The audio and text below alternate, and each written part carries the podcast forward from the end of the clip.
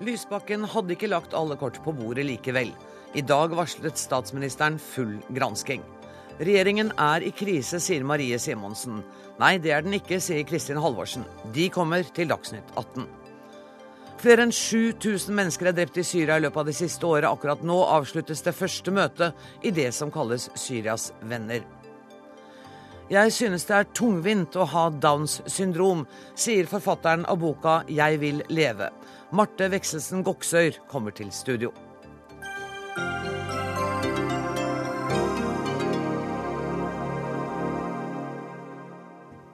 I sendinga skal vi også høre at partiet Sosialdemokraterne i Sverige har tatt patent på begrepet 'den nordiske modellen'.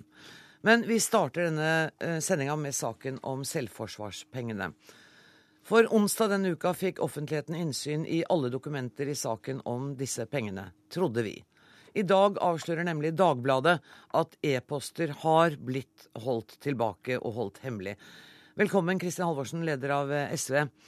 Opplever du at dokumenter har blitt holdt skjult bevisst fra offentligheten i denne saken? Nei, det er ikke det som er situasjonen. Men det som er situasjonen, det er at Audun Lysbakken har ønska å legge fram alle relevante dokumenter i denne saken. Langt mer enn det han har plikt til etter offentlighetsloven. Og at det derfor ble gjort en nøye gjennomgang i departementet for å være sikker på at man hadde oversikt over alt som var relevant. Og da man trodde man hadde det, så la man det fram. Så viser det seg da at en e-post som man ikke var oppmerksom på at fantes, fantes likevel. Og dermed blir det jo fort et inntrykk at her er det noe som er holdt tilbake. Og Derfor har Audun i dag satt i gang et nytt gjennomgang, fått hjelp fra Departementenes servicesentral. Eh, sørge for at vi går gjennom alt på nytt, for å være helt sikker på at det ikke er noe som nå eh, gjemmer seg bort. Fordi denne saken er tjent med at eh, alt kommer på bordet. Det er en sak der Audun har beklaga at det ikke ble lagt ut på anbud eller utlyst sånn at flere organisasjoner var klar over at det var penger å søke på her. Og der han har sagt at det var utøvd dårlig skjønn fra departementet. Eh, så dette er en veldig kjedelig sak for oss. Det er en alvorlig sak. Ikke fordi det er et stort beløp, ikke fordi det er noe dårlig formål, for det er et godt formål. Men fordi vi ikke kan ha det sånn at noen tror at nærhet til SV eller SVs ungdomsorganisasjon gjør at gode prosjekter kan få bevilgning. Hvordan har dette preget partiet i dag? Eller de siste dagene? Nei, altså Vi er veldig fortvila over denne saken. Fordi at For det første så er det gjort feil i saken. Og da må man innrømme og beklage feil. Eh, for det andre så har vi vært veldig nøye alle år på å passe på at man eh, holder nødvendig avstand, er profesjonell Eh, osv. Så sånn at eh, her, når det skjer en feil på et sånt område, så er det noe som vi tar veldig alvorlig sjøl. Og da er det bare én ting, og det er å ta ansvar, og det er å rydde opp. Og det er det Audun driver med nå. Nå blir det en gransking, det har statsministeren sagt. Eh, en ekstern gransking. Det er en gransking som Audun sjøl har satt i gang i dag. Okay, med hjelp fra Departementenes servicesentral. Mm. Fordi at vi ble jo veldig utrygge når vi skjønte at her fantes det i hvert fall én mail som vi ikke hadde visst om. Og så blir det også en åpen høring eh, i regi, trolig. Eh, på tirsdag er det møte i kontroll- og konstitusjonskomiteen. Hvordan, hva tenker du om opposisjonens reaksjon her? Nei, Det mener jeg er sånn en opposisjon skal uh, reagere, rett og slett. Fordi dette ser ut som en uryddig sak. Der og er, vel uryddig? Ja, nettopp. Og det skjønner jeg. Eh, og hvor det kan eh, settes noen spørsmålstegn. Og vi er jo nå tjent med at alt kommer på bordet, at dette blir en sak i, i kontroll- og konstitusjonskomiteen. Eh, sånn at vi får lagt fram alt. Her er det ingen som har, har prøvd å skjule noe med, med forsett. Og da er det bare én ting å gjøre, og det er å få rydda opp. Er Lysbakken fortsatt statsråd, tror du, i neste uke og i ukene fremover? Ja, og det er fordi at han for det første har beklaga saken. Og alle som ser Audun nå i disse dager, de ser jo at det mener han dypt eh, og inderlig. Men det er jo noen han, som mener at det ikke er nok da i en sånn sak? Ja, det må jo da både Stortinget og statsministeren eh, og SV som parti eh, vurdere. Men jeg mener at det ansvaret som han har som statsråd i Barne- og likestillingsdepartementet, det er å rydde opp det er å beklage det som skal beklages, det er å innrømme det som skal innrømmes, og det er å sørge for å, å rydde opp. Og det var jo i den, eh, i den hensikt at man offentliggjorde langt mer enn det offentligheten har rett til å se. Mm. Og det er klart at I det øyeblikk man gjør det, da må man være veldig trygg på at den har oversikt over alt. Og Derfor er det jo et mareritt når det da dukker opp en e-post man ikke har visst om. Er dere nokså trygge på at det ikke dukker opp, dukker opp flere nå? Nå har, vi, nå har i hvert fall Audun bedt om hjelp fra departementenes uh, servicesentral. Alle uh, relevante mailer gås uh, igjennom, og vi kvalitetssikrer absolutt så godt vi kan. Transparency International kaller dette for politisk korrupsjon. Det er jeg uenig i. Det er regler som burde vært håndhevet på et annet vis. Det er et skjønn som burde vært utøvd annerledes. Og det har Audun gitt klar beskjed om. Per Kristian Foss sier at departementet har fungert som et partikontor for SUs arbeid. Nei, Det er ikke riktig. Men jeg skjønner at eh, opposisjonen kan falle til for fristelsen til å eh, hva skal si, komme med sånne karakteristikker eller karikere denne saken.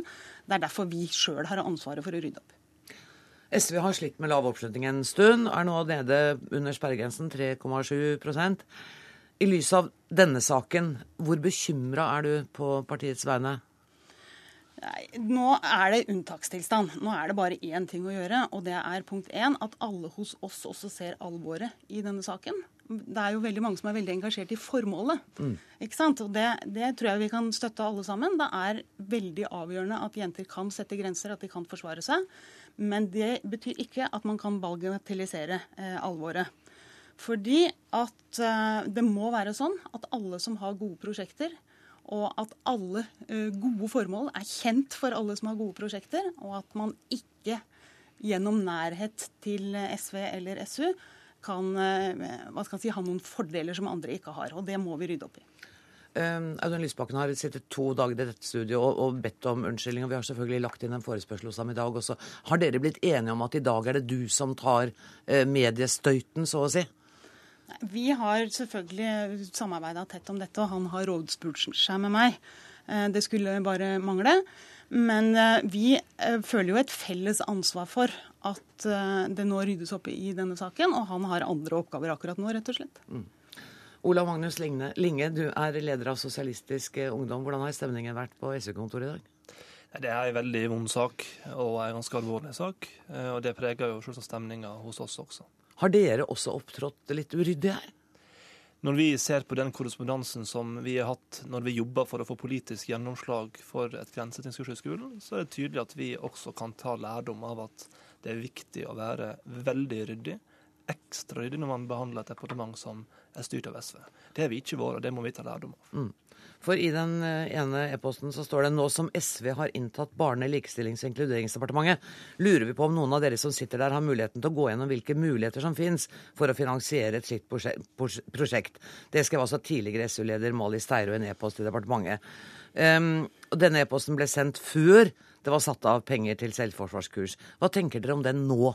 Leser du hele e-posten, så er det tydelig at målet her er politisk gjennomslag, og intensjonene er gode. Men formuleringene vi har hatt i flere e-poster, har vært av en slik karakter at det er ettertid lett å stille spørsmålstegn med dem.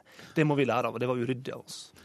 Men, men, det at en ungdomsorganisasjon driver lobbyvirksomhet, er jo helt legalt. Det er jo det dere driver med. Kommer dere til å forandre måten dere jobber på etter dette, eller får det noen konsekvenser? Vi skal fortsatt være beintøffe i å være pådriver for de sakene vi tror på, og få gjennomslag mest mulig for vår, vår, politikk. Men så må vi være helt gjennomført ryddige i all kommunikasjon med alle offentlige organ, departementer og storting. Og Der har vi eh, lært av denne saka at vi trenger å være i formuleringer helt presise og helt ryddige. Men vi skal fortsette å jobbe steinhardt politisk for å få gjennomslag for flest mulig saker. Men når du sier at dere skal jobbe med å være mer korrekte politisk og jobbe med formuleringene, hvordan skal dere sikre det? Det, det er å være tydelig på at vi, når vi snakker med alle i departement eller i storting, så har vi en tone som er forståelig både i samtid og ettertid. Vi må aldri stille oss slik at vi i ettertid ser på e-post eller korrespondanse og får et inntrykk av at vi har hatt uredelig hensikt eller drevet med ting som ikke tåler dagens lys. Har det vært en litt sånn overdreven entusiasme over at man fikk en SV-er inn i departementet? Vi er alltid entusiastiske fra SV departement. Og det skal vi overdrive det? Nei, det kan man aldri overdrive. Men det er slik at vi likevel må ha en fullstendig ryddighet når vi korresponderer med de som er i departement eller i andre offentlige organ. Og det er det nå, den holdningen din er nå gjennomsyret i hele SU? Jeg tror at hele SU tar på alvor denne saka, her, og vi ønsker å framstå med stort eh, entusiasme, men med likevel ryddighet i all korrespondanse. Kristin Halvorsen, tror du at dette kommer til å roe seg med de unnskyldningene som både statsråden selv, SU og du nå kommer med? Ja, men det må også ryddes opp eh, for framtida. Fordi at uh, nå skal Stortinget få alt det de ber om av, uh, av opplysninger. Og de har fått langt mer så langt. Ja, men uh, det må vi sørge for at det belyses. Og så må det som Audun også har sagt, han må gå gjennom alle rutiner i forhold til hvordan man tildeler midler. Være sikker på at man følger regelverket når det gjelder hva som skal ut på anbud eller utlyses eh, bredt. Og så må det være sånn at alle gode prosjekter har like stor mulighet til å få eh, støtte. Eh, jeg skal snart be dere to om å gå, for det, dere har gjort det klart at dere vil ikke gå i diskusjon med opposisjonen om dette. Og Kristin Halvorsen, du ga også en begrunnelse for det. Kan ikke du bare si hva den begrunnelsen er nå til våre ligger, lyttere? Nå ligger jo denne saken eh, i Stortinget, og Stortingets kontrollkomité har en veldig Eh, spesiell funksjon i, Stortinget. Og da er det veldig gærent av meg, som er medlem i regjeringa og en partileder, og i diskusjon med Stortinget i en sånn type sak. Da sier jeg tusen takk til Ola Magnus Lenge og Kristin Halvorsen. Og inn kommer, som jeg sa, representant for uh, opposisjonen, Ketil Solvik-Olsen. Uh, og, som jeg har sagt også, så har vi altså invitert Audun Lysbakken selv, bare sånn at ting er litt klare. Um, du representerer eh, Fremskrittspartiet. Hvordan vil du beskrive utviklingen i saken i dag?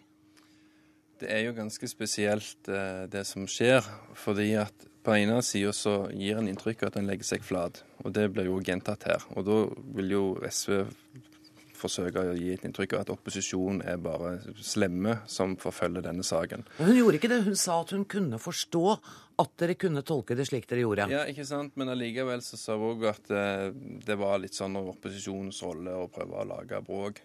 Men eh, grunnen til at vi syns dette er spesielt, det er jo at til å begynne med, når dette ble en nyhet gjennom Dagbladet, så sa statssekretær Henriette Westrin at denne tildelingen hadde fulgt helt normal praksis i departementet. Så ser han jo at jo mer en graver, jo mer spørsmål er det grunn til å stille. Han legger seg flat én gang, sier at han har lagt alle kort på bordet. Så kommer det nye kort, han legger seg flat igjen. Og dagen etterpå så har Dagbladet enda flere kort. Og da er det litt sånn en spør seg legger han seg flat for han unnskylder seg og har gjort alt han kan, eller legger han seg flat fordi han skal prøve å dekke over noe. Og Det er jo sånne ting som vi må prøve å finne ut av. Når en gir inntrykk av at dette var en helt normal praksis, så må en jo stille seg spørsmål fra opposisjonens side. Er dette en kultur som har vært? I så fall er det svært uheldig. Hvis det er en enkeltsak, så kan en si det er litt mildere.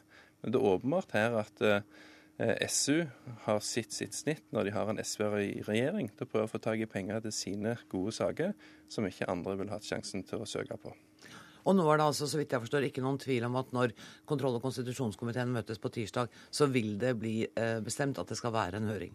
Ja, nå har jo både Fremskrittspartiet, Høyre og Arbeiderpartiet sagt at de ønsker å ha en formell sak. Hvor, du har jo sagt noe om alvoret i situasjonen, men, men, jeg har lyst til å, å, gå litt dypere på det. Um, hvor alvorlig er det for statsråden og statsrådens rolle? Det er jo veldig alvorlig når kontrollkomiteen ser en grunn til å begynne å granske en sak som har skjedd. Det er i seg selv alvorlig.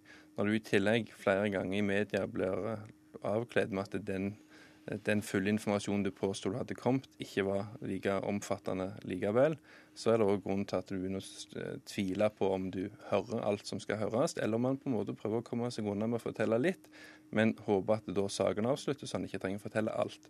Sånn at Det blir jo en svekka statsråd, både fordi at du formelt har prosesser imot deg, men òg fordi at du begynner å tvile på om man egentlig forteller ærlig, ærlig om det som har skjedd. Ja, og Det er jo det neste spørsmålet. Kan Stortinget ha tillit til en statsråd som i dette tilfellet ikke har gitt ut all informasjon i saken? Nei, fordi at når kontrollkomiteen stiller sitt første brev, så forventer du å få alle svar på det første brev. Du skal ikke som kontrollkomité i Stortinget trenge å skrive flere brev til en statsråd om den samme tingen. Og jeg ser jo at De aller fleste kommentatorer i media, uavhengig av hvor de står politisk, sier at hadde dette vært en annen statsråd, eller ikke minst en annen regjering, i en mindretallsregjering, så hadde han sannsynligvis ikke sittet lenger.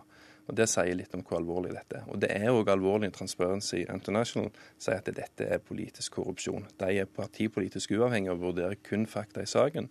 og Det er en alvorlig anklage de kommer med. Men det var altså en anklage som eh, partileder Kristin Halvorsen ikke var enig i? Nei, hun vil jo selvsagt prøve å forsvare sine folk. Eh, men de som står på utsiden her, vurderer dette annerledes. Og jeg ser òg at et samla kommentatorkorps vurderer dette annerledes. Men det er jo en gang sånn at så lenge vi har en flertallsregjering her, så kan det være så mye formelle prosesser det vil, men det er flertallsregjeringens fulle makt til å bestemme hvordan dette skal gå. Så jeg er jo redd for at de òg denne gangen her ikke tar hensyn til hva som er rett og galt, men bare beskytter sine egne. Sånn som en har sett de har gjort eh, tidligere ganger. Syns du at eh, Audun Lysbakken eh, burde gå?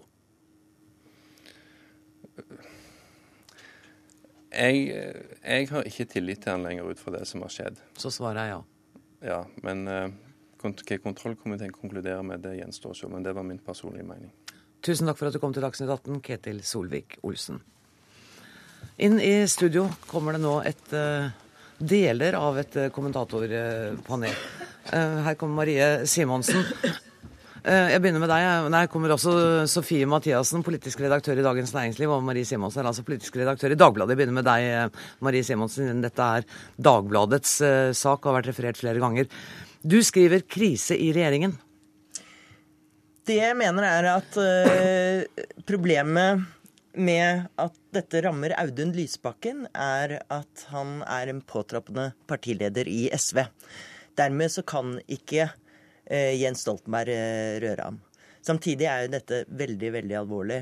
Og det kommer til å bli kjørt hardt i kontrollkomiteen, og det kan ende med mistillit i Stortinget. Så det er jo en eh, skap som ikke bare rammer Audun Lysbakken som politiker, men også hele regjeringen. Og jeg tror at eh, Jens Stoltenberg misliker dette sterkt. Og hvis det hadde vært en Ap-statsråd, så hadde han nok vært ute av regjeringen. Men er det fordi Lysbakken er påtroppende leder i SV at, statsministeren ikke kan røre ham? Ja, altså det er, jo, det er jo, slik i eh, samarbeidsregjeringen at, eh, som Kristin Halvorsen var inne på, at hun også har et ord med i laget når hennes statsråder er berørt. Så dette er jo ikke noe Jens Stoltenberg alene kan bestemme selv om han er regjeringssjef. Og vi så det også da Navarsete fikk lov til å sitte etter, etter denne partistøttebråket. Så, så, det er jo noe av problemet. En av grunnene til at jeg sier at, at det kan være krise, som kanskje er en sånn, litt sånn spissformulering, men det er jo at hvis dette blir enda mer alvorlig, hvis det kommer frem flere ting som gjør det nesten umulig for Audun Lysbakken å fortsette, så er jo det svært alvorlig for denne regjeringen. De kan ikke, eh, man kan rett og slett ikke sette av den påtroppende lederen i SV. Og, hvis, og spørsmålet om det kommer fram eh, flere ting, det bør jo stille til deg, for det er jo dere som har vært best orientert. Kommer det fram flere ting snart? Eh? Det, det er i hvert fall slik at, slik at, det er flere ting som ikke er svart på. Og som det er noen svarte hull i fremstillingen, for å si det sånn og som dere kommer til å offentliggjøre de nærmeste dagene? Det, det, det skal jeg ikke si noe, si noe, om, men det er uh, flere ubesvarte spørsmål her, i hvert fall. Under pressekonferansen på onsdag så ble det sagt rett ut at saken ville bli vanskeligere å håndtere hvis det kom fram ytterligere opplysninger. Og Hvordan ser du på den uttalelsen nå? Det er jo det er som Jens Stoltenberg sa til Dagbladet i dag, at han ville ikke garantere at det ikke kom frem mer, ettersom det stadig kom nye opplysninger, og det tror jeg var lurt av han. Politisk redaktør i Dagens Næringsliv, Sofie Mathiassen. Det verste med denne flertallsregjeringen er en utålelig arroganse i forhold til bruk av makt og fellesskapets penger, skriver du. Hva legger du i det? I et demokrati så har man et sett av regler, regler som skal hindre flertallet i å bruke, misbruke sin makt. Og det er det de gjør her. Altså, Når du har vunnet, fått støtten fra det norske folk, så skal du ikke kunne bruke statskassen som din egen. Du skal ikke kunne bruke den til å gi penger til din egen partiorganisasjon eller dine gode venner. Det er det som kjennetegner et velfungerende demokrati. Men her har de brutt akkurat det prinsippet. Og, det synes, og, og de har jo også gjort det flere ganger, så det syns jeg er utholdelig. Så du er tilbake til at det er saken, det er den som er viktig, mer enn at det kommer opplysninger om nye e-poster som er pussige? Begge deler. Okay. Altså, de, for det første så er det jo viktig at de at, altså, penge, Det er ikke så mye snakk om pengene, men det er snakk om et, det prinsipielle. At, de, at de må være klar over hvor grensene for deres egen makt går. Og da når de kommer til Stortinget og de får spørsmål, og de ikke engang er, vil eller kan svare på å legge ting på bordet, i tillegg lyve eller gi uriktig informasjon, så er det veldig opprørende. Men Kristian Halvorsen sa jo i dette studioet for noen minutter siden at nå har Stortinget og offentligheten fått tilgang på mer informasjon enn de har rett og krav på. Det, det, er jo sakens, sakens, utvikling gjør jo at man eh, stiller stadig nye spørsmål. og Det er derfor kontrollkomiteen har kommet tilbake flere ganger, fordi at han ikke har lagt frem alt.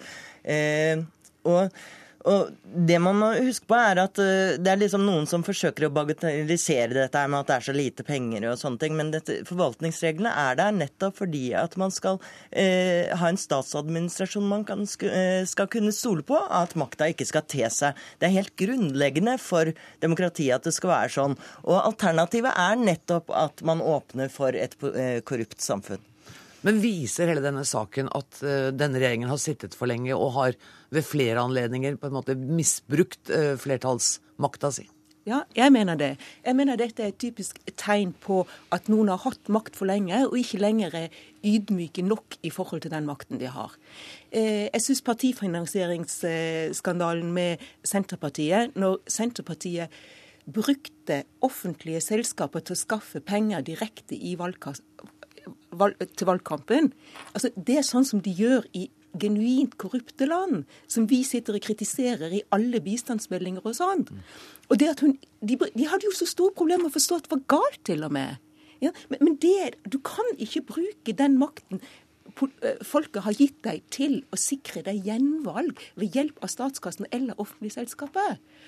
Og når, de klar, og når det blir tilgitt brudd på så viktige prinsipper, så syns jeg at det er et klart tegn på at regjeringen har sittet for lenge. For av, av, og til så er det godt med et skifte i seg selv. Mm. Altså Bare det at du kommer noen nye som er litt mer forsiktige. Det pussige er jo at, eh, at, det virker som om flere i SV heller ikke har forstått det ennå. Eh, de, har, de, sier fortsatt at det var en god sak. Det har jo ingenting med saken å gjøre. Altså Regjeringen var jo for denne bevilgningen, så alle er enige om at det er en god sak.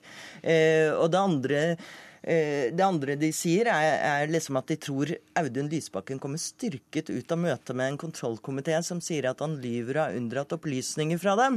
Det, det, det, tror jeg er en virkelighetsoppfatning som er litt, eh, litt, fjern, for å si det mildt. Dere hørte vel også Ketil Solvik-Olsen som satt her. Eh, trekker han for langt ned? sier at han antydet en litt maktesløshet i forhold til til det som skjer nå. Han sa han personlig hadde ikke lenger tillit til statsråden, men det kommer ikke til å skje noe med Det er klart at som flertallsregjering så har eh, Audun Lysbakken på en måte immunitet, men, eh, men eh, mistillitsforslag er jo ikke noe, noe man med, skal kimse av. Og det er, er en alvorlig skrape for, for regjeringen og for Audun Lysbakken i så fall. Og jeg tror jo også at, dette, at velgerne reagerer på sånne ja. ting som dette her.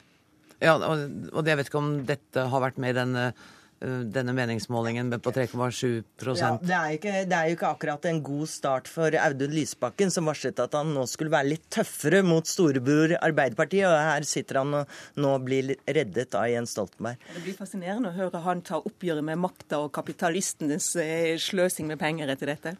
Burde Heikki Halmås eh, angre på at han trakk seg fra partilederstriden eller ja, det oppløpet? Syns jeg. Det du syns jeg. Nei, det tror jeg. Jeg tror nok eh, det blir nok Audun Lysbakken, ja. Tusen takk for at dere kom, Marie Simonsen fra Dagbladet og Sofie Mathiassen fra Dagens Næringsliv. Dagsnytt 18 alle hverdager klokka 18.03 på NRK P2.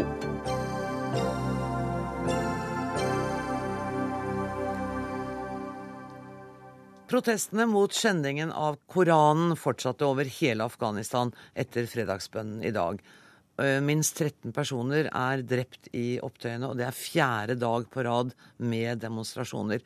Og utenriksmedarbeider her i NRK, Eivind Molde, mange fryktet at det ville bli et blodbad etter fredagsbønnen. Hva har skjedd? Ja, Det ble altså ikke den uh, blodige dagen som mange hadde frykta. Men likevel, det har vært store demonstrasjoner over store deler av Afghanistan uh, i dag. Som du sa, så er det 13 som er døde, minst 13. Og i tillegg så er det mange som er såra.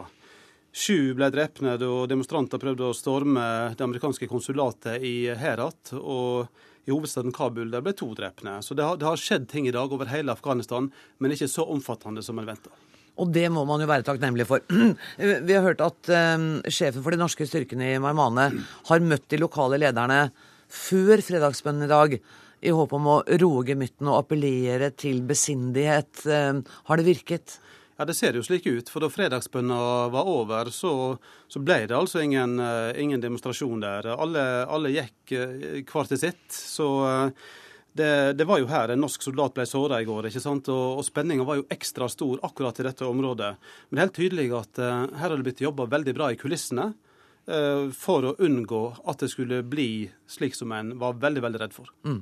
Og så var jo Norge også forberedt eh, militært på å forsvare basen sin enda bedre i dag enn det var i går, og det ble heldigvis unødvendig å ty til ekstra eh, sikkerhetstiltak.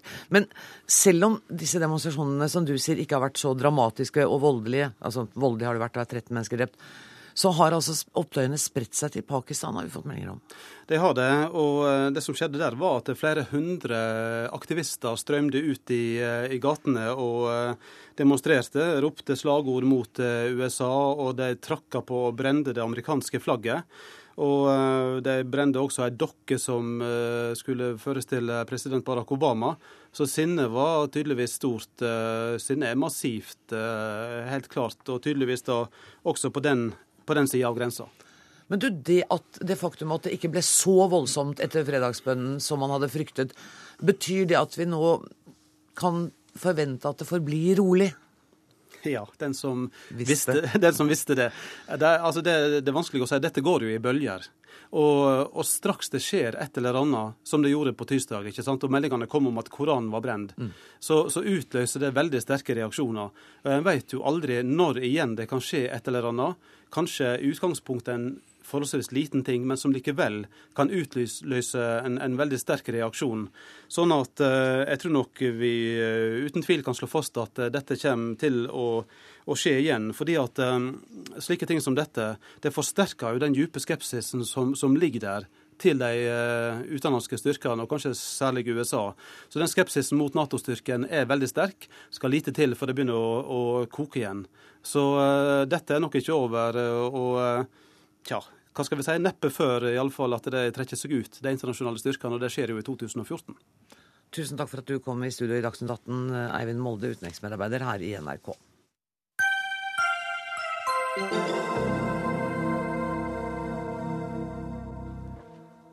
Flere enn 7000 mennesker er drept i Syria i løpet av det siste året. Akkurat nå avsluttes det første møtet i det som kalles Syrias venner.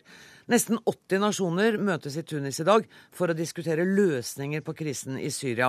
Og statssekretær i Utenriksdepartementet Torgeir Larsen, du representerte Norge på dette møtet. Norge ville ikke gi den syriske opposisjonen våpen og militær støtte i kampen mot regimet. Hvorfor ikke det? Det er ikke Norsk politikk har aldri vært i noen sammenheng eh, å, å begynne eh, der. Eh, det vi fokuserer på, det er altså politisk støtte til det arabiske initiativet, Arabiske liga, som er i førersetet i forhold til å finne en politisk løsning som er krevende nok i seg selv. Og så er det et annet hovedfokus som vi også har framført her sammen med våre nordiske venner i et felles innlegg. Og det er den humanitære situasjonen, som er prekær. Eh, hvor vi har gått ut i dag med 22 eh, millioner kroner som vi kanaliserer på ulike måter, måter og ber om at eh, du, du får våpentilstand på daglig basis for å få inn humanitær bistand, slik Røde Kors og Røde Halvmåne har, har bedt om. Hvilke andre uttalelser kommer dette møtet med i dag? Eller er dere ikke kommet så langt at dere kommer med noe bastante vedtak ennå?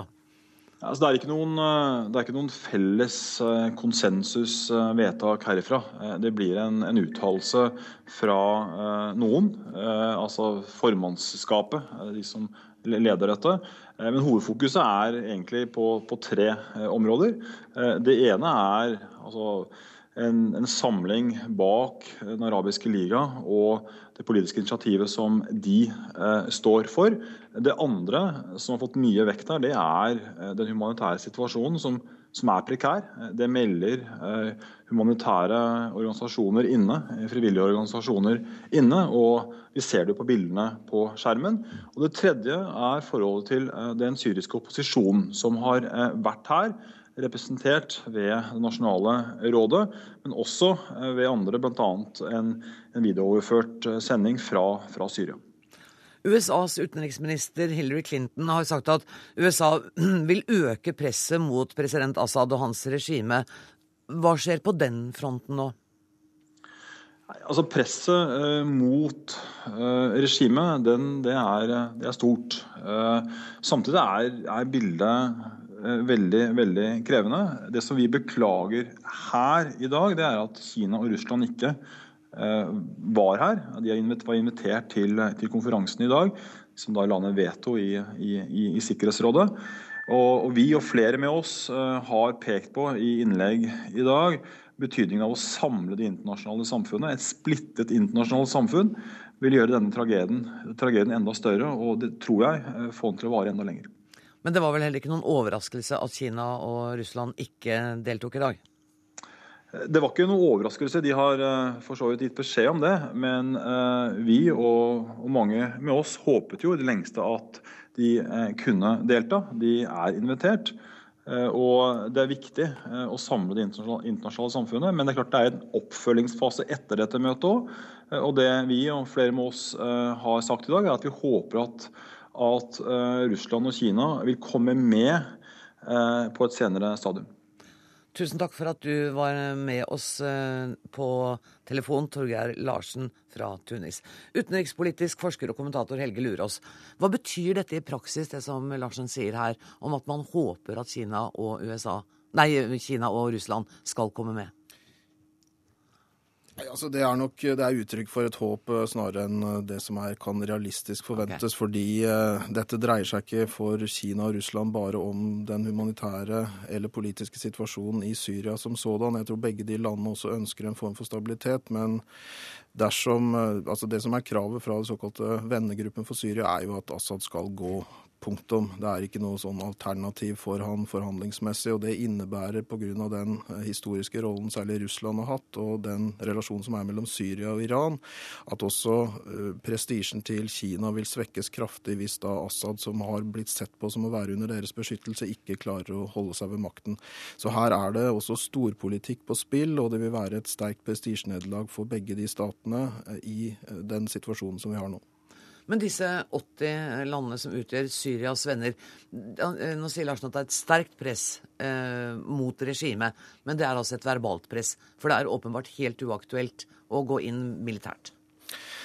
Jeg tror man kan se på dette møtet i Tunis som en mulig forberedelse for å skape et, et, et, legitimitet på da, internasjonal side i opinionen for å eh, begynne kanskje først å væpne opprørerne, se hvordan den borgerkrigen utvikler seg. Og så tror jeg ikke vi skal helt utelukke at på et tidspunkt i framtiden så kan det komme sterkere opp på dagsordenen en eventuell intervensjon. Og jeg tror faktisk heller ikke vi skal se helt bort ifra at noen vil ta til orde for en sånn intervensjon uten et mandat mandat i FNs sikkerhetsråd.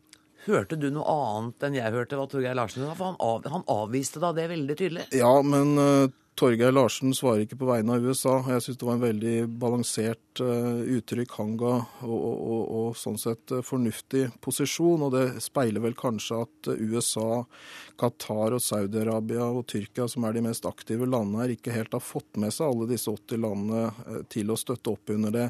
Men det presset som kommer fra visse sirkler i USA, det Eh, er ikke lett å motstå for noen av USAs allierte, og i hvert fall ikke Assad i Syria. Og USA har jo egentlig klart sagt eh, at de kan ikke akseptere et annet utfall. Så lenge Russland og Kina legger ned veto og ikke er med på dette, så kan det komme ganske drastiske virkemidler etter hvert. Men dette er en forberedelse sånn sett for å skape legitimitet rundt det. Dermed er det også veldig fokus på da, de sivile lidelsene i Homs og andre steder. Ja, eh, Larsen snakket jo om den humanitære situasjonen, og hvor man ber om våpenstillstand på dagtid, sånn at folket skal kunne få eh, den hjelpen de trenger. Eh, vil det, hvis denne bistanden viser seg å være effektiv, og man får disse eh, midlene i bruk til det de skal, vil det forandre situasjonen noe? Ja, det et, kan være et steg på veien for opprørerne til å skape seg områder som de kontrollerer, og hvor de de facto blir myndighetsapparatet i det området, og hvor også disse humanitære kanalene da kan gjøre det lettere å frakte inn våpen og andre ting. Jeg tror at det allerede foregår eh, kontakter mellom den syriske opposisjonen og visse etterretningstjenester i området, og at kanskje også ulike grupper av spesialstyrker allerede er inne. Det har jo kommet opplysninger om at amerikanerne allerede flyr droner over Syria, og det kan nok også være et samarbeid der etterretningsmessig med grupper på syrisk side som allerede foregår under, under radaren. Kan det, helt til slutt, kan det faktisk skje at presidenten trekker seg før man kommer i en situasjon hvor det er en militær intervensjon? Ja, det tror jeg kan komme til å skje. og jeg, jeg, sier ikke at det er sannsynlig at det kommer en militær intervensjon. Sånn som det ser ut nå, så ser det vel heller ut som det blir en borgerkrig med stedfortredere i Syria som sådan. Men vi kan jo se et, et utfall hvor presidenten velger å gå, og noe av regimet prøver å overleve, sånn som vi delvis har sett i Egypt. Tusen takk for at du kom til Dagsnytt 18, utenrikspolitisk forsker Helge Lurås.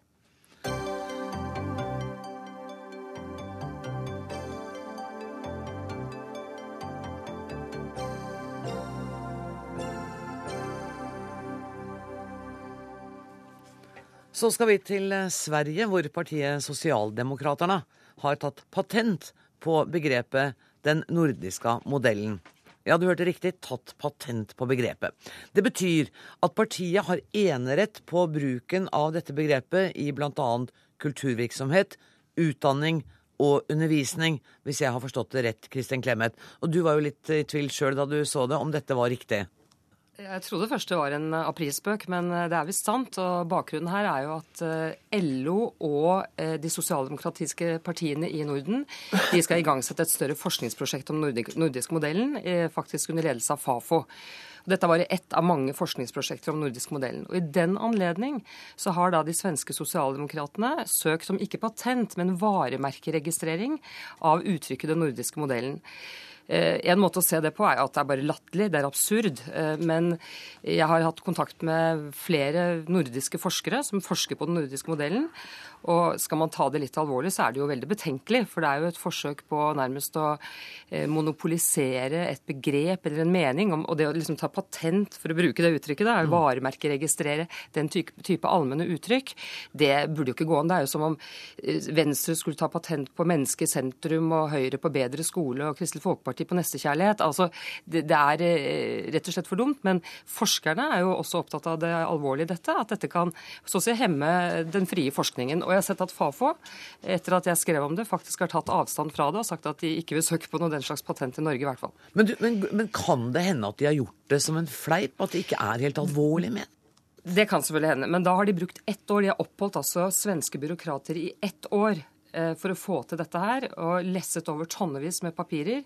Så i så fall så syns jeg det er en litt dyr spøk, da, som antagelig rammer svenske skattebetalere. Og Fafo har altså tatt avstand fra det? Sånn jeg tolker Fafo på Twitter, altså det sosiale mediet Twitter etter at jeg skrev om det, så, så tar de avstand fra dette. Og det skulle bare mangle, for dette er jo å hoppe til konklusjonen før de har forsket. Og det kler jo ikke forskning som skal være sannhetssøkende og nøytral. Aksel Branden Sterri, du er leder av Tankesmia Progressiv. Og du har sagt at eh, Kristin Clement ikke tar dette som det morsomme påfunnet det er. Er du sikker på at det er en spøk? Nei, altså jeg var så usikker på det i starten om dette var eh, en spøk eller hva det var. Uh, men jeg tror jeg er, jeg tror det er mulig å ta dette med mer humør enn det Kristin Clemet gjør. Altså, ikke hvis de har brukt et år av byråkratenes og ekspertenes tid på å få dette registrert. Nei, altså, men, men altså, spørsmålet er jo likevel uh, om uh, ikke sant? Dette er forskning på en måte som er levert. altså Det er levert ganske grundig dokumentasjon uh, til disse her, og de har på en måte tatt en vurdering på dette. Så jeg mener at det, det inngår faktisk i en del av denne forskningstradisjonen hvor man, hvor man da har bestemt seg for Jeg tror ikke det hadde f.eks. vært mulig for moderaterne å ta den samme type patent- eller varemerkeregistrering. Så den får frem et poeng som jeg tror sosialdemokraterne trenger i Sverige, hvor de er frustrert over at moderaterne har måte tatt eh, tatt kontroll over et begrep som de har jobbet mot i lang tid. Men her så, hører man jo problemet. For her er det altså en sosialdemokrat som sitter ved siden av meg og sier at vi kan bruke staten, byråkrater i staten, til å gjøre, være dommere i politiske debatter. Altså, Det er jo helt meningsløst og tilhører ikke et demokrati. Man må bare være klar over at eh, forskere som forsker på den nordiske modellen, de har litt ulike syn. Jeg tror ikke det er noen som ikke anerkjenner sosialdemokratiets rolle og betydning for utviklingen av den såkalte nordiske modellen. Men eh, historien og eh, forklaringen er mye mer kompleks enn som så.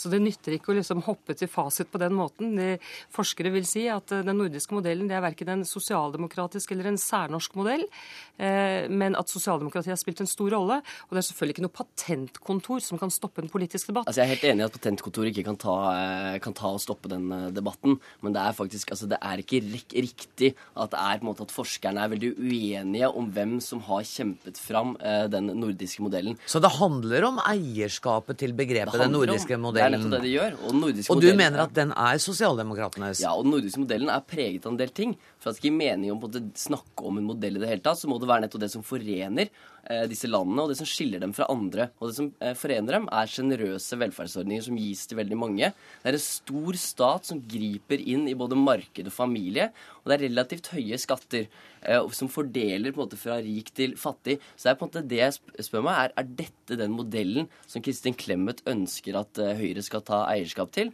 Eh, Jeg, sy- jeg, syns det er på en måte litt rart. Dette her har på en måte vært et krav fra arbeiderbevegelsen i kanskje 100 år, og mer enn det. Nei, altså Jeg deler ikke den historieskrivningen. Eh, Civita har eh, gitt ut en bok hvor vi har forsøkt å vise frem de borgerlige perspektivene og de borgerlige partienes bidrag til utvikling av velferdsstatsdebatten. Den boken er diskutert, analysert, anmeldt av fagfolk som har historisk bakgrunn, økonomisk bakgrunn osv. Og, så og de finner ikke noe feil der, for det er rett og slett ikke eh, ett parti som kan ta eierskap til den modellen. Mye var gjort før Arbeiderpartiet sa dagens lys. Mye er forandret forandret underveis. Man har hatt, eh, Selvfølgelig har man diskutert, man har inngått kompromisser, men her har alle bidratt. Men la oss komme tilbake til hvordan dette preger debatten om modellen fremover. Fordi så, Ta patent er jo nesten latterlig, men det er jo selvfølgelig én måte å forsøke å stoppe debatter på. Men vi merker det også i debatten her hjemme at eh, det som man kaller den norske modellen, den nordiske modellen, nærmest har blitt en sånn kritikkløs sone. Altså Det er nærmest blitt noe hellig over det. Så man hører at hvis noen fremmer forslag til at vi skal gjøre noe i Norge, så svarer ofte sosialdemokrater nei, det er et brudd med den norske modellen. Og så behøver de ikke å begrunne sine standpunkter mer. Men det er ganske farlig, fordi et veldig viktig kjennetegn ved den norske eller nordiske modellen, det er at den hele tiden er i endring, og at vi er omstillingsdyktige og kan møte nye utfordringer. Og det vi står overfor nå, er en demografisk utfordring med eldrebølge, eh, innvandring, som er nytt i historisk perspektiv, og en globaliseringskonkurranse som bare blir hardere. Men det er vi- og jeg det er er helt- helt overbevist om at vi er nødt til nå å foreta justeringer og endringer i det vi kaller modellen for å møte disse utfordringene. Og da kan ikke den debatten stoppes av at noen bare sier nei, det er et brudd Jeg på tror den norske Clemet modellen. overdriver, overdriver definitivt den kneblinga som gjør. Altså, det er likevel eh, slik at den modellen har et visst vis grunntrekk som eh, man åpenbart omfavner nå, både fra høyre- og venstresiden. Og så kommer altså, eh, så sier man nå er det en del utfordringer denne modellen møter. Eh, og derfor så må vi, eh, sier Civita og Kristin Clemet her, sier Ok, men Da må vi møte det med en del utfordringer som var 1920-tallets løsninger, som er tilbake til markedet. Dette har vært en utvikling hvor, hvor, eh, hvor staten har gått inn og på en måte fordelt makt fra, eh, fra kapitaleiere til arbeidere. Og det skal man også nå prøve å reversere. Og det jeg mangler ofte, er man har ingen gode grunner, og man har heller ikke forskning for å argumentere for de endringene man mener man må eh, Men gjennomføre i Nå er vi i ferd med å gå inn i hva som er velferdsstaten, Men jeg, jeg er litt fascinert at du sier at du, du forstår på en måte at sosialdemokratene har behov for å varemerkeregistrere dette begrepet fordi at høyresida har prøvd å stjele det. Mm. Men, men da må da Kristin Clemet ha et poeng når hun sier ja, men da må barmhjertighet eller nestekjærlighet altså, kunne merkevareregistreres for Kristelig Folkeparti. Da har jo alle partier har jo noen begreper som kjennetegner dem.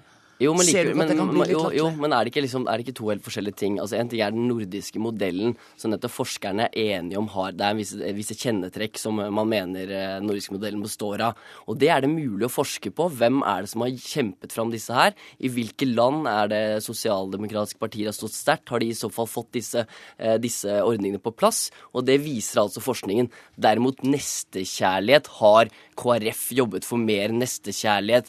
Har Høyre jobbet for mer frihet? Frihet. Og i så fall må man jo argumentere for det på en helt annen måte enn det Kristin Clemet gjør. Så i og for seg syns du det er greit med merkevare, uh, merkevareregistrering av denne type begreper? Jeg syns det, det, er et litt tåpelig, men morsomt uh, påfunn, og jeg er helt enig at jeg ikke skal bruke masse penger på det. forskningen foran seg. Jeg skal like å se den forskeren som vil forsvare at man varemerkeregistrerer den typen allmenne uttrykk. Dette kommer ikke til å være et stort problem for den politiske debatten, for vi diskuterer akkurat hva vi vil i frie samfunn. Det er nettopp det men vi gjør, så det er men, men, dette, men, dette, men dette er ganske betenkelig for forskningen. Så forskere burde engasjere seg i dette og ta til motmelde mot det. Og ellers må jeg si at eh, det er ikke mer enn 30 eh, år siden den nordiske modellen kjørte inn i en krise på slutten av 70-tallet. Inn i eh, reguleringsøkonomi, planøkonomi, hvor alt låste seg. Og vi fikk en periode på 80-tallet hvor vi måtte liberalisere markedene, hvor det skjedde en hel rekke reformer, bl.a. under Willoch-regjeringen i Norge, og som bidro til å få denne så å si modellen på fote igjen, sånn at eh, disse liberaliseringene som skjedde i de nordiske landene, har gjort at denne modellen har utviklet seg sterkt de siste 20-30 år. Jeg tror vi er på, en, på, vei inn i en ny periode nå som ligner på 80-tallet.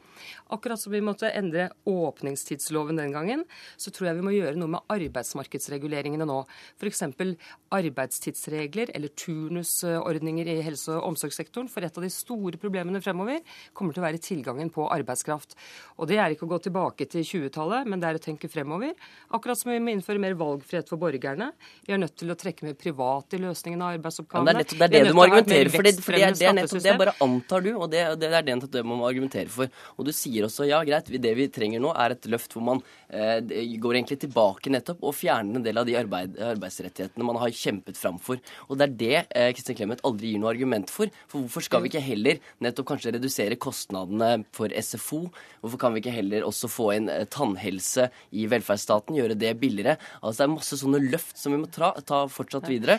Og jeg, jeg, jeg, ser ikke at hun gir argumenter Nei, for det. Den viktigste begrunnelsen er veldig lett å regne ut. For det er veldig lett å regne ut at vi kommer til å mangle masse arbeidskraft i fremtiden. Vi kan ikke kutte oss, uh, kutte oss ut av problemet. Vi kan ikke øke skattene og løse problemet. Vi er nødt til å fremskaffe mer arbeidskraft. Det kan vi gjøre når vi gjør noe med arbeidslivsreguleringene, vi kan gjøre noe med arbeidsinnvandringen. Vi kan prøve å få flere av de som står utenfor arbeidsmarkedet, mm. inn i arbeidsmarkedet. Vi kan få en bedre utdanning. Og det er her forskningen, det er her forskningen faktisk er god. For da ser man at den nordiske modellen, om man har sjenerøse ordninger, faktisk hjelper f.eks. kvinner. I Norge har man veldig eksepsjonelt høy eh, arbeidsdeltakelse blant kvinner, og man står også veldig lenge i jobb. Og det er nettopp det som gjør at den nordiske modellen faktisk er bærekraftig. Og det viser seg da ikke at vi når vi sammenligner oss med de eh, landene som har innført slike ordninger, ordninger som Kristin Clemet ønsker, så gjør de det faktisk dårligere enn oss. Det er, det, eh, det er den realiteten jeg, jeg mener at Kristin Clemet må ta, jeg snakker ikke mot, eh, mot, kvinners deltakelse i arbeidsmarkedet, det er veldig bra, men faktisk, kvinner kan faktisk delta enda mer dersom vi hadde litt organisert oss. Jeg synes det av de ordningene vi har. Jeg er nødt til å sette steg. Det som, vi kan, eh, det som jeg tror dere er enige om, er at det at den er merkevareregistrert i Sverige, denne betegnelsen, det stopper ikke den norske debatten. Tusen takk for at dere kom, Kristin Clemet og Aksel Brånen Sterri.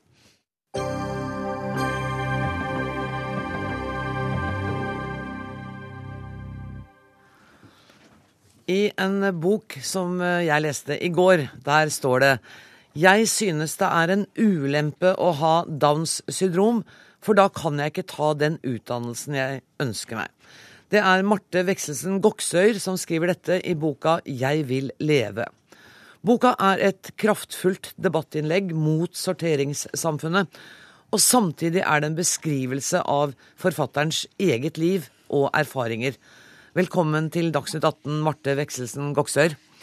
Boka heter 'Jeg vil leve'. Hvorfor det? Jeg syns eh, tittelen er, er, er, politisk. Jeg vil leve mitt liv. Jeg vil ikke la andre styre livet mitt. Jeg vil kjenne at jeg lever. Du skriver jo også at du syns det er en ulempe å være født med Downs syndrom. Hva er den største ulempen, syns du? Den største ulempen Er det fordommene? Ja. Det er fordommene. Og så skriver du at det du ikke liker, det er å bli dulla med. Riktig. Hvordan har du opplevd å bli dulla med? Hva sier folk da? Nei, De snakker som om jeg er tre-fire år. Litt sånn så søt du er da? Litt sånn, ja. ja. Du, eh, hvorfor har du skrevet denne boka? eh, hvorfor jeg skrev denne boken, er for at folk kan lære noe av det jeg skriver. Det er viktig at folk blir eh, oppmerksomme på de fordommene som finnes i samfunnet, eh, og i dem selv. Det er viktig å synliggjøre at noen ikke, synliggjøre at noen ikke får eh, være en del av mangfoldet. Du er jo skuespiller. eh, Du spiller trekkspill. Du danser. Og drømmen din er å bli eh, skuespiller og kunne leve av det. Riktig. Tror du at det kommer til å skje? Det håper jeg. Jeg har invitert Ellen Horn, sjefen for Riksteatret, til å være sammen med deg. Eh, Ellen Horn, hjertelig velkommen hit. Du engasjerte Marte som skuespiller i rollen som Kamomilla i Folk og røvere i Kardemommeby. Hva var det som overbeviste deg om at hun var riktig for rollen? Ja, det er ikke så lett å si. Eller egentlig er det lett, fordi at eh, det er den koblingen av Marte, Martes talent og Torbjørn Egner. Altså Torbjørn Egner, som jo vi feirer 100-årsjubileet for i år, han var utrolig opptatt av likeverd og toleranse. Og at vi skal eh, ta vare på ulikheter i samfunnet. Og så jeg, skulle jeg sette opp Folk og røvere i Kardemommeby, og så møtte jeg Marte på teatret. Hun er jo en meget ivrig teatergjenger. Og så sa jeg at du fikk sende en søknad, og så sendte hun meg en søknad. Og så Akkurat lille Kamomilla er jo en som blir holdt utenfor. Ja. Eh, Tante Sofie vil ikke at hun skal gå ut, hun skal være borte fra de andre. Og det var jo en parallell der i noe av det Marte står for. At hun vil være med. Hun vil være med på festen. Og det passet utrolig godt til den rollen da, Marte. Du, du løftet på en måte den rollen og den fortellingen om lille Kamomilla opp på et metaplan som gjorde veldig inntrykk på publikum. Og gjør den rollen eh, større og mer politisk også? Absolutt. Større og mer politisk. Ja. Men Marte, hvordan, hvordan var det å, å spille den rollen? Jeg syns det var, var veldig, veldig gøy, jeg. Du spilte med sammen med profesjonelle musikere og skuespillere. Ja. Hvordan møtte de deg? Var de åpne, eller var de fulle av fordommer? Nei, de hadde ikke noen fordommer, syns jeg. De hadde ikke det, nei? Nei. Uh, og så var det um, Han ene ble jeg kjent med, han ene som er musikere. Uh, ble kjent med via øvingen av sangen. Uh, og han ble venn for livet. Uh, det var jo kapellmesteren Simon Revolt. Eh, og så ble jeg også overrasket på første leseprøve. En annen bestevenn venn av meg som også var med der. Han spilte Jonathan. Bernhard Arne. Men det er slitsomt å, å stå på en scene og møte publikum og skulle levere den teksten kveld etter kveld. Men du sier i boka di at du blir ikke sliten av det. Nei, jeg blir ikke sliten. Jeg bare liker å være på scenen så lenge jeg Ja, jeg syns det er gøy. Og glede andre med det jeg gjør. Det gir meg krefter. Det fortsetter. Men det er mye jobbing, det er mye tekst som skal pugges. Dette kan Ellen mye om òg. Ja, men det er ikke noe problem for meg. Jeg bruker hele, hele natten på å øve. Gjør du? Ja. Det var to ting jeg måtte spørre Marte om, og det var om hun kunne komme presis hver dag. For å dra på turné med teater, eh, da må du være i bussen når den går. Ja. Og Marte er vel kanskje det mest presise mennesket jeg kan tenke meg. Og også utrolig eh, proff i å øve inn replikker og tekst på forhånd. Så det gikk jo kjempebra, da. Men var det rett og slett ikke noe problem eh, å ha Marte i staben på den turneen? Vet du hva, Jeg tror at det betydde så mye for de som var med på den turneen. Å få oppleve Martes profesjonalitet og Martes måte å være på, Martes vennskap. Jeg er helt sikker på at det preget alle sammen som var med på turneen. Og det ga noe helt ekstra til hele den oppsetningen. Og så selvfølgelig for publikum. Dere to har fått en ærespris sammen eh, etter det av eh, Norsk forbund for utviklingshemmede. Hva betydde den prisen for deg, Marte? Var det viktig? Ja.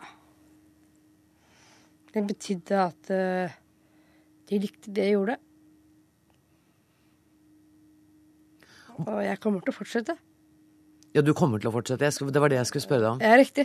Ja, jeg kommer til å, jeg kommer til å fortsette. For det, det å stå på scenen, det er noe jeg, jeg, jeg For min del så syns jeg det er helt magisk å være på en scene, og jeg elsker det. Så, så, og som jeg sa i stad, at uh, jeg gleder andre med, med det jeg gjør på scenen. Uh, det gir meg både, krefter å spille på scenen, og det gir inntrykk Og det gir inntrykk på det jeg gjør. Du har en drøm om å få skuespillerutdannelse. Eller har du den drømmen fortsatt? Ja, det har jeg. Men ehm, det er ikke alle, alle skoler som vil ha meg inn. Hvordan føles det? Jeg syns at det er diskriminert, syns jeg. Og syns at eh, Jeg syns det er litt dårlig gjort. Det, er- det er sårende. Ellen Horn, dette mangfoldige samfunnet vårt hvor det skal være plass til alle. Da burde det jo også være plass til Marte, tenker jeg, i et kunstnerisk samfunn. Det opplever jeg jo at det er i dag. Mm. Det er plass for Marte i de rette sammenhengene, i de rette oppgavene. Det er klart at Marte vil ha trenger en egen undervisning. Og jeg vet at det fins en sånn skole i København på noe som heter Teater Glad. Kanskje det hadde vært noe for deg. Eh, Men det, det som jeg også hadde lyst til å understreke, er at for andre med Downs syndrom så var det veldig, veldig inspirerende å se deg på scenen. Og jeg må bare si, for nå må vi slutte, at det har vært inspirerende å lese boka di. Den heter 'Jeg vil leve'. Tusen takk til Marte Vekselsen Goksør og til Ellen Horn for at dere kom til Dagsnytt 18 i dag. Dermed er en Dagsnytt 18-uke rett og slett eh, over. Ansvarlig for sendinga har vært Sara Victoria Rygg. Det tekniske ansvaret har Finn Lie. Jeg heter Anne Grosvold. Takk for i dag.